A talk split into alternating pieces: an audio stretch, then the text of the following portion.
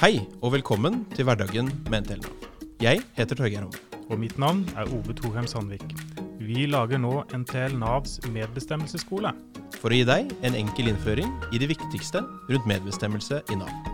Så hvis du er ny som tillitsvalgt, Eller litt gamlere tillitsvalgt som trenger oppfriskning på basicen, eller hvis du bare er litt interessert i medbestemmelse, så er dette noe for deg.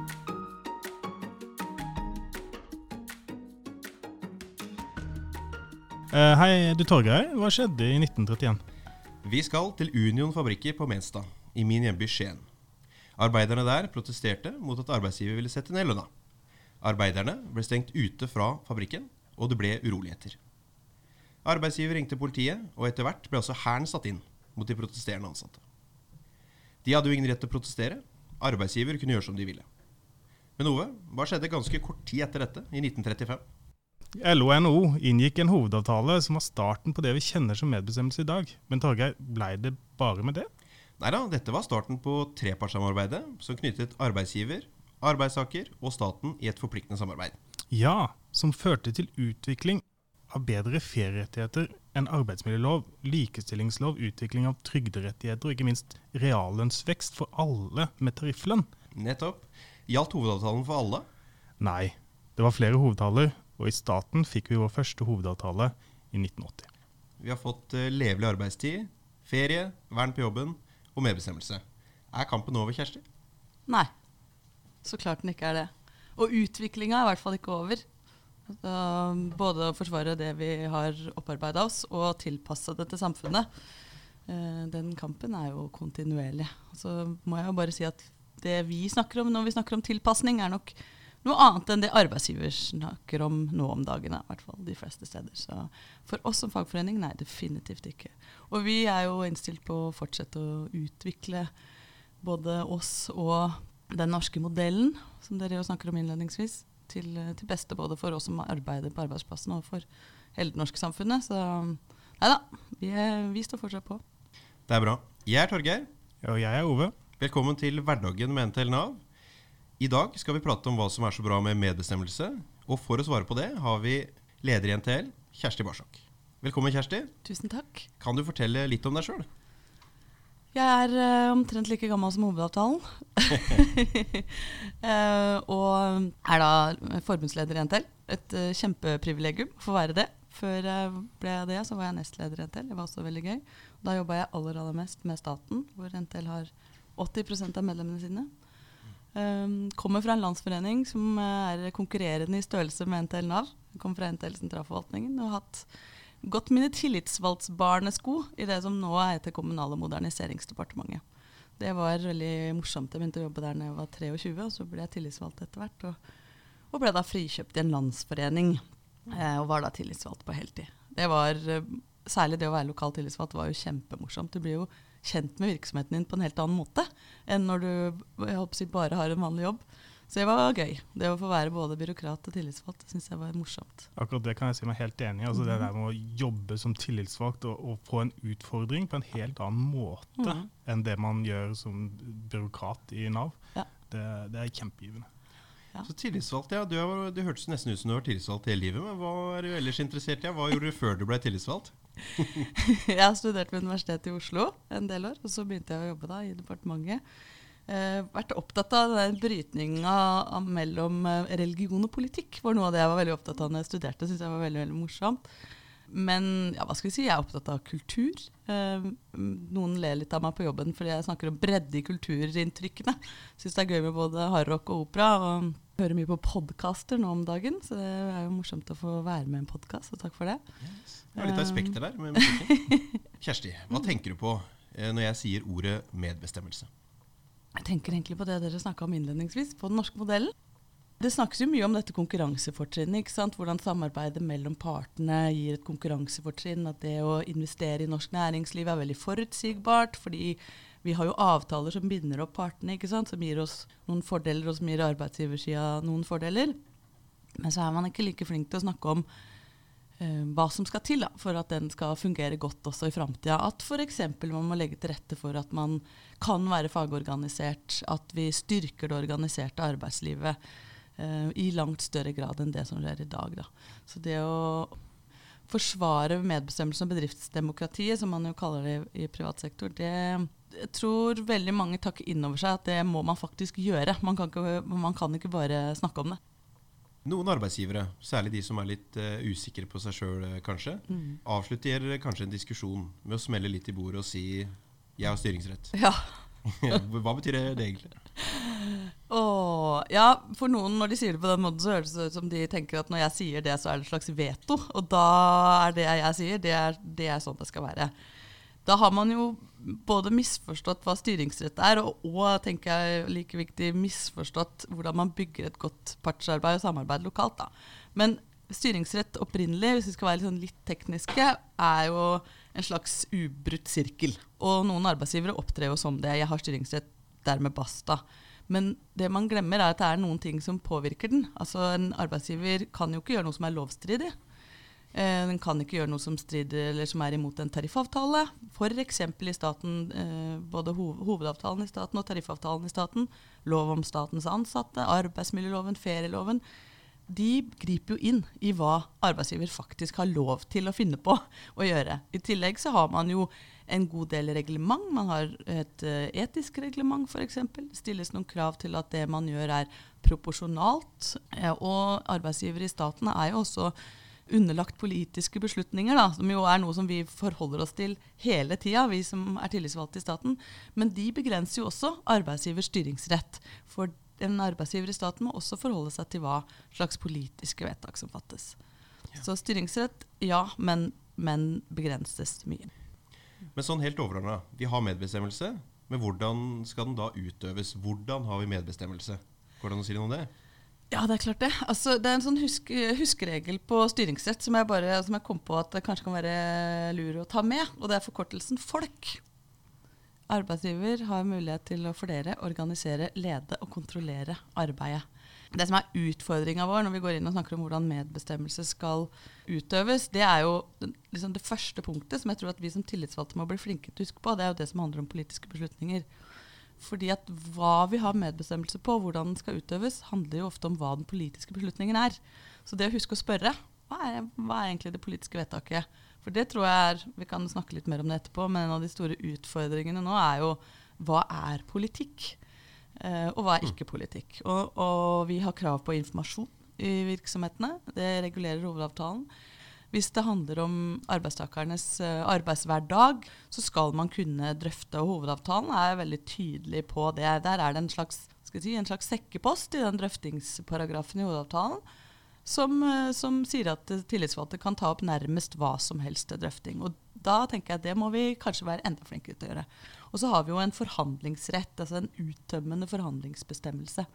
Og medbestemmelsen i staten den er jo regulert, jeg nevnte både lover og avtaler, men det er jo både liksom den gamle tjenestemannsloven, nå lov om statens ansatte, hovedavtalen, tariffavtalen, arbeidsmiljøloven det ligger jo, og tjenestetvistloven. Det ligger jo medbestemmelse i alt dette lov- og avtaleverket. Men det er jo hovedavtalen vi liksom snakker om som, som Grunnloven. Da. Og det er de tillitsvalgte i staten som utøver den medbestemmelsen på vegne av de ansatte. Stort ansvar, da. Retten til medbestemmelse skal skje gjennom tillitsvalgte. Ja, det er det. De ansatte, altså Hovedavtalen snakker bare så vidt om de ansatte, men det er jo liksom medvirkning og involvering. Men det er et system som er bygd opp på at man har representanter for de ansatte gjennom fagforeningene. Mm -hmm interessekonflikt er en sentral, uh, sentralt poeng her. Ja. Og den medbestemmelsen er en sånn fin arena hvor vi samles mm. på forskjellige nivåer. Mm. Det skal alltid være en dialog. Ja. Det er en av de vakreste tingene jeg vet. ja. Og når vi møtes i disse møtene i Nav, så heter det MBA, kaller vi det. Medbestemmelsesapparatet. Der utøver vi medbestemmelse av de tre former for medbestemmelse. Informasjon, drøfting og forhandling. Vi skal ha egne episoder om alle tre. Mm. Så der går vi mer i dybden. Eh, Kjersti, du var inne på dette med medbestemmelse og politiske beslutninger. Mm. Det begrenser arbeidsgivers styringsrett, mm. eh, men det begrenser jo også vår medbestemmelse. Mm. Hvorfor skal vi ikke ha medbestemmelse på politiske beslutninger? Sånn kort fortalt så handler det om at vi ikke får omkamp på folkestyret. Eh, vi, et, eh, vi har valg, og vi får et valgresultat, og det velges noen politikere. Um, og forvaltningen er jo et redskap for å gjennomføre politiske beslutninger. sånn at vi får ikke på en måte omkamp på de, bare fordi vi er ansatte i staten. Men som jeg sa i stad, så tror jeg at det største problemet det er at man utvider det rommet. Eh, og vi er ikke alltid flinke nok til å spørre hva som var det egentlig, hva var egentlig vedtaket, og hva er den gjennomføringa som vi nå skal ha medbestemmelse på. Ja, jeg kan jo ta et eksempel på hvordan det kan se ut i Nav. Eh, når vi fikk eh, nye regioner, altså nye fylker, eh, i Navs organisering, så var jo vi med eh, i prosessen i forkant. Masse møter med arbeidsgiver, eh, god involvering. Men når beslutninga skulle bli tatt, så fikk vi plutselig høre nei, det blir en politisk beslutning. Og at eh, direktøren vår, Sigrid Våging, skulle anbefale noe til ministeren. Så da ble plutselig medbestemmelsen fjerna helt. Så den endelige inndelinga, og også hvor regionskontorene ble ligget, det var en politisk beslutning hvor vi da ikke hadde noe vi skulle sagt. Det var jo litt eh, frustrerende når vi hadde vært med i prosessen hele veien opp og trodde vi skulle være med og forhandle dette. Ja, altså Det handler jo om å skille politiske demokratiet og bedriftsdemokratiet. Kan jeg nøle litt uh, om, eh, om medbestemmelsens uh, hjemmelgrunnlag? Fordi uh, jeg syns det er innmari morsomt at det at vi har medbestemmelsesrett, det ligger i Grunnloven. Mhm. Paragraf 110, hvis jeg ikke husker feil. Det tror jeg. Altså. Ja. Stemmer. Så vi har medbestemmelse. Men hvorfor er egentlig medbestemmelse viktig? Eh, jeg håper å si hvorfor ikke. det, er, det er et kjempestort spørsmål, men hvis jeg skal liksom prøve å ta det ned til tre eh, hovedpunkter. Så Det ene er jo at det er gjennom medbestemmelsen at de ansatte eh, blir hørt. Det er eh, på den måten man kan forankre beslutninger og få innspill fra de som har skoa på, hvis vi skal bruke det språket. Jeg vil jo utvilsomt si at det gjør beslutninger og prosesser langt, langt bedre. Samtidig så, så peker jo mange på at det å, å ha medbestemmelse eller sikre bedriftsdemokratiet sikrer også effektivitet for arbeidsgiverne. Det er konfliktdempende eh, å kjøre gode medbestemmelsesprosesser. og det er jo sånn at uh, Vi liker jo ikke å snakke om økonomisk produktivitet i det offentlige, men når man snakker om den norske modellen og privat sektor særlig, så snakker man jo om det at produktiviteten øker når partene sammen finner kompromisser. Og Det er overførbart også til staten. for vi vet at hvis det f.eks. er veldig dårlige prosesser, og folk opplever at endringer skjer som de ikke forstår, eller at de ikke er involvert, ja, så, så går det utover den jobben som skal gjøres hver eneste dag på den arbeidsplassen.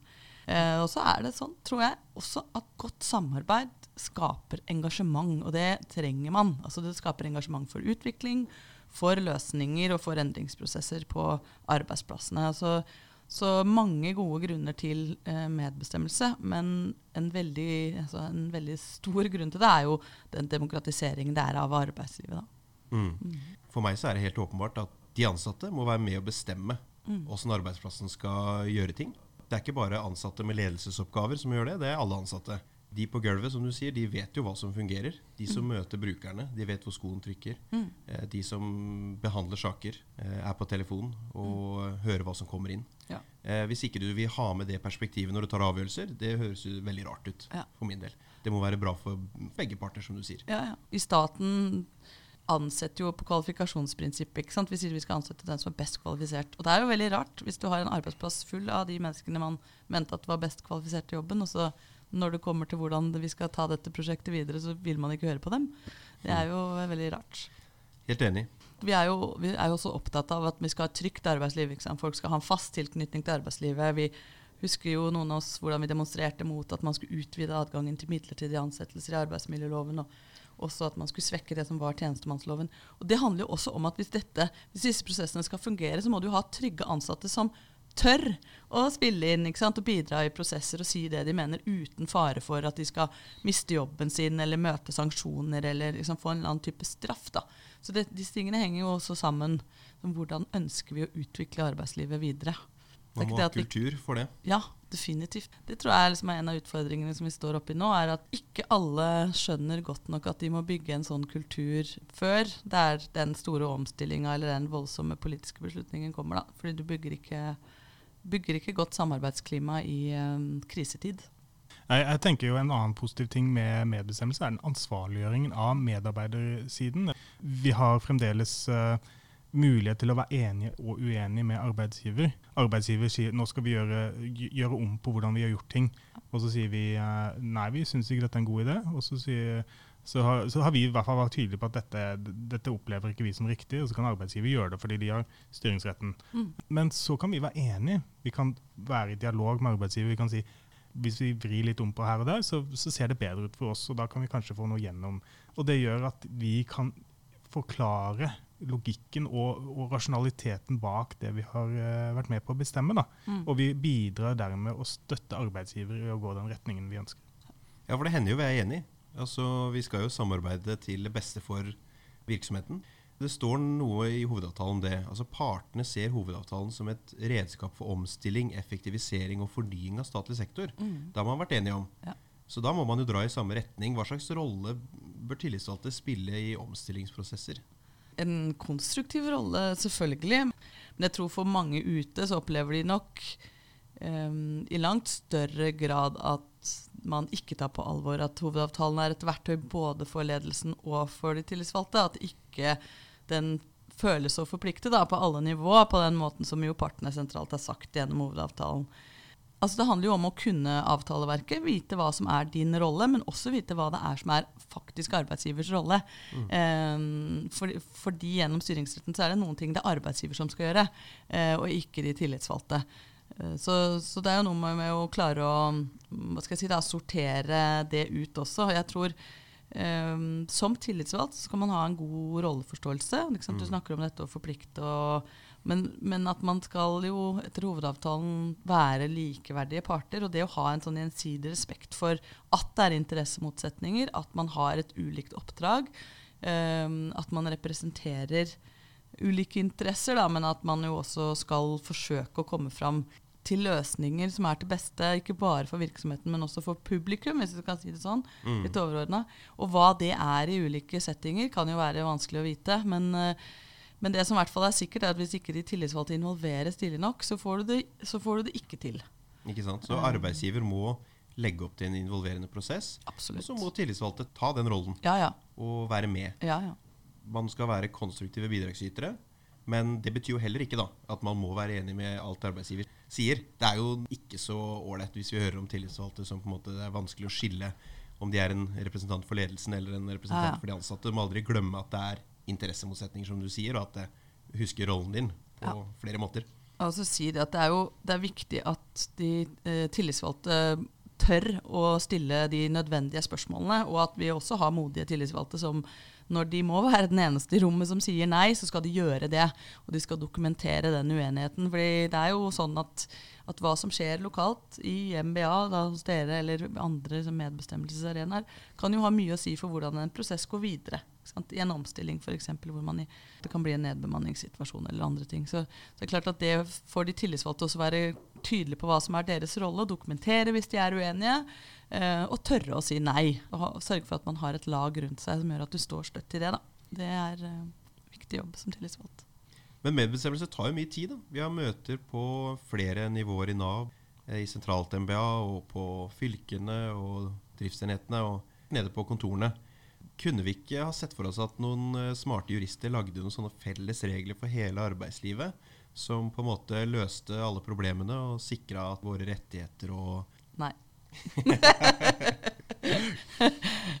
Sjokkerende svar. Nei, det kunne man ikke. Altså, det er jo en av styrken med å ha parter som kan inngå bindende avtaler, som, som vi har gjennom hovedavtalen og hovedtariffavtalen. Det er at det forplikter på alle nivå. Og det at man sentralt har inngått en avtale som man har en felles forståelse av, gjør jo at dere da ute i Nav dere kan diskutere andre ting. Dere kan bruke det, de spillereglene som partene sentralt har laga sammen, til å løse medbestemmelsen på deres arbeidsplass. Jeg tror at hvis man hopper over de kompromissene og de diskusjonene og den felles forståelsen, så ja, det er en veldig dårlig idé. Så nei, det kunne man ikke hovedtalen er litt under press, mm. eh, kan man jo si. Eh, nå har jo arbeidsgiver satt sammen noe som heter et arbeidsgiverråd, eh, som har diskutert noen notater. Har du sett noe på de notatene, Kjersti? Ja, jeg har sett noen av de notatene. Det var jo sendt ut som diskusjonsnotater til virksomhetene etter arbeidsgiverrådet. og det satte jo fyr på en del av våre tillitsvalgte. Jeg tror ikke det vi skal sånn, stikke det under en stol. Det ble, var noen steder veldig veldig sterke reaksjoner på de notatene som kom.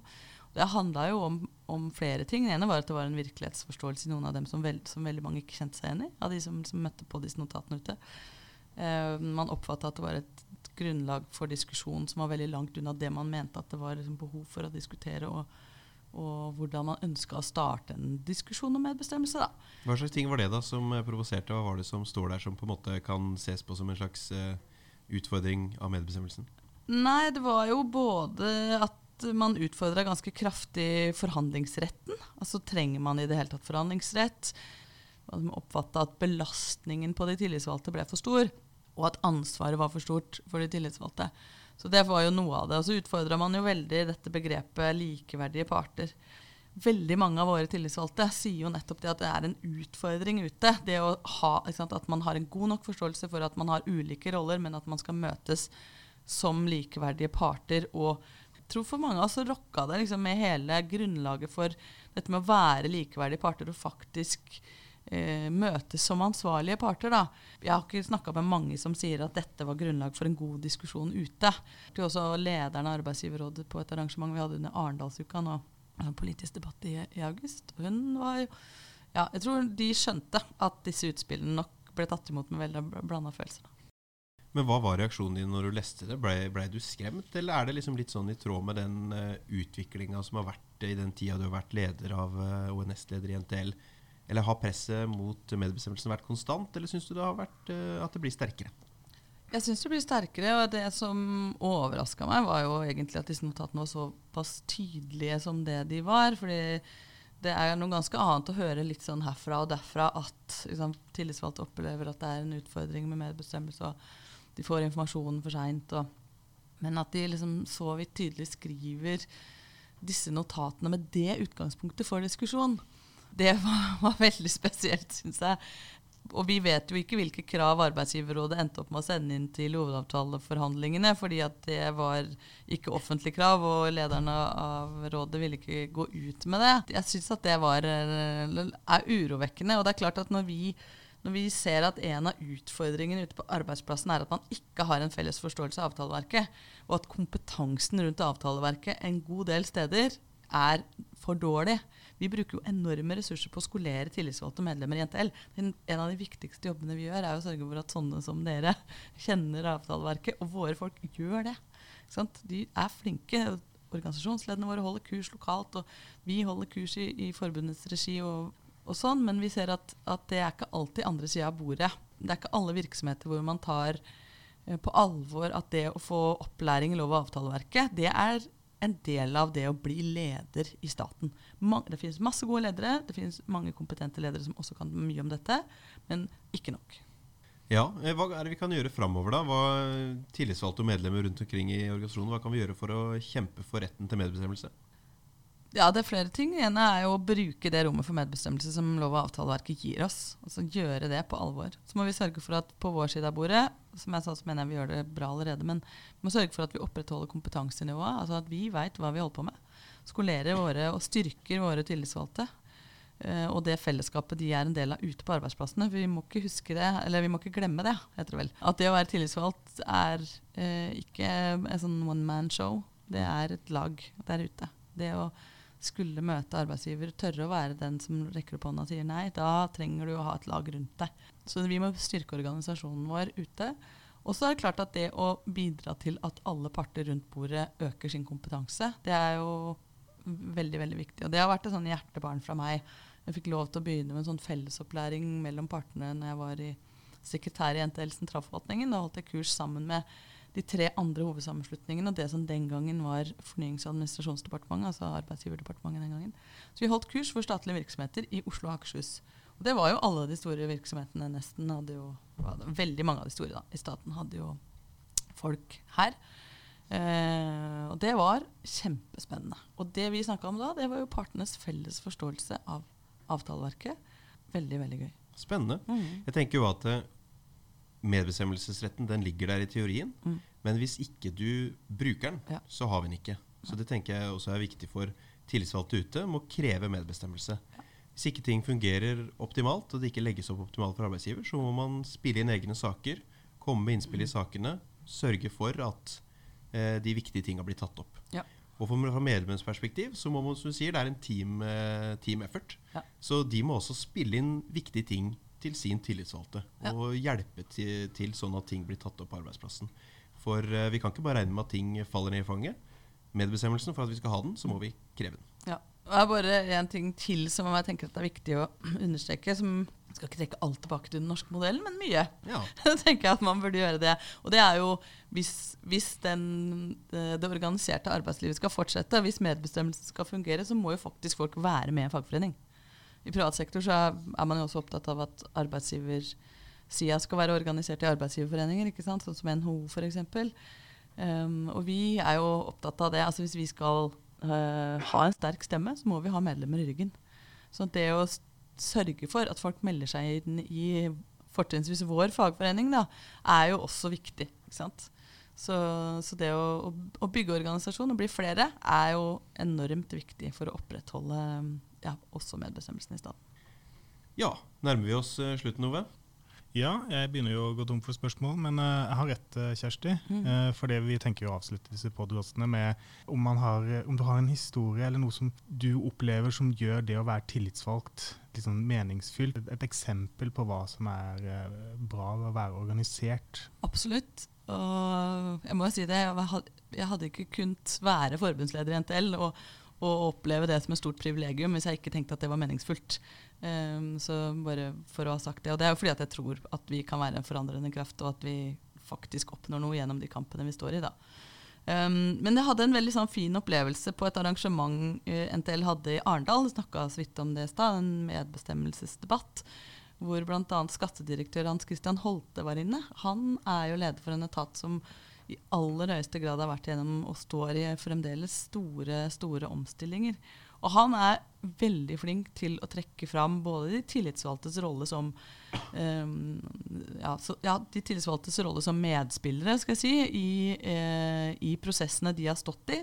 Han er helt tydelig på at eh, det å lage gode prosesser for medbestemmelse, eh, bruke organisasjonen aktivt, er kjempeviktig. Og han sier rett ut at de tillitsvalgte har vært helt avgjørende for at de skulle sikre gode bestemmelser. Og han sier jo at de har hatt helt reelle drøftinger. Det burde jo selvfølgelig være en selvfølge, men mange av våre tillitsvalgte opplever at det er ikke det. At de innspillene og momentene som har kommet fram i drøftingene, flere ganger har gjort at han også endrer mening.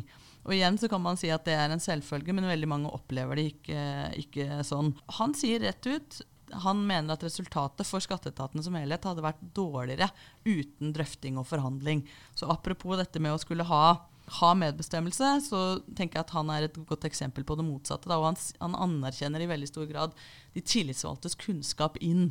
Tenker at Det er et eksempel som andre statlige ledere burde ta til seg. Og han snakker ikke om at dette tar for lang tid eller noe sånt. Jeg tror jo alt i alt, hvis du skal måle på tid, så vil det ta mye lengre tid med dårligere beslutninger og dårlig forankring og liten forståelse i organisasjonen for nødvendigheten av endring. Altså Det er jo supert å ha anerkjennelsen fra en direktør i en så stor uh, norsk statlig etat. Eh, jeg tenker det er gull verdt. Torgeir, har du noe eh, du har lyst til å si før vi avslutter? Ja, jeg vil fortelle en historie, jeg òg. Det her var jo litt sånn uh, større. Nå har vi en litt sånn mindre sak. Det var en sak som vi i NTL Nav meldte opp til drøfting i vårt medbestemmelsesapparat. Etter vi har fått, en del innspill fra tillitsvalgte. Og det handla om at eh, som følge av en endring i skattereglene, så endra arbeidsgiver tidspunktet for når ansatte skal motta en gave. Fra 25 til 20 års ansettelse. Eh, så ansatte som hadde 21 til 24 års ansettelse, de lå dermed an til å ikke få noe gave. Ikke sant? De hadde jo ikke, kom jo ikke til å få noe etter 25 år, og de hadde jo ikke fått den etter 20. Direktoratet lagde egne regler, også Trøndelag, for å sikre at disse folka da skulle få gaven sin. Eh, men ikke resten av landet. Så vi kunne ikke se noen grunn til å forskjellsbehandle våre ansatte og våre medlemmer på den måten. Så vi foreslo eh, overgangsregler for hele Nav. Vi meldte opp saken. Arbeidsgiver det ga uttrykk for at de var glad at vi hadde meldt den opp, og vi fikk fullt gjennomslag for vårt forslag. Så ansatte med ansiennitet mellom 21 og 25 år i 2019, de får også gaven sin. Så ikke verdens største sak, men litt viktig, og et eksempel på hvordan innspill fra oss gjør at det, det blir tatt bedre avgjørelser. Det er kjempe. Ja, det er en grei måte å runde av på det. Litt sånn gladsak. Tusen takk for at du kunne komme, Kjersti. Tusen takk for at jeg får komme, og så ønsker jeg dere lykke til med de andre episodene deres også. Jeg gleder meg til å høre på. Vi høres. Vi høres. Ha det. Takk til deg som hørte på. Hvis du har spørsmål eller kommentarer, Ris eller ros, så er vi veldig takknemlige om du sender en e-post til torgeir.homme, alfakrøll, nav.no. Vi høres.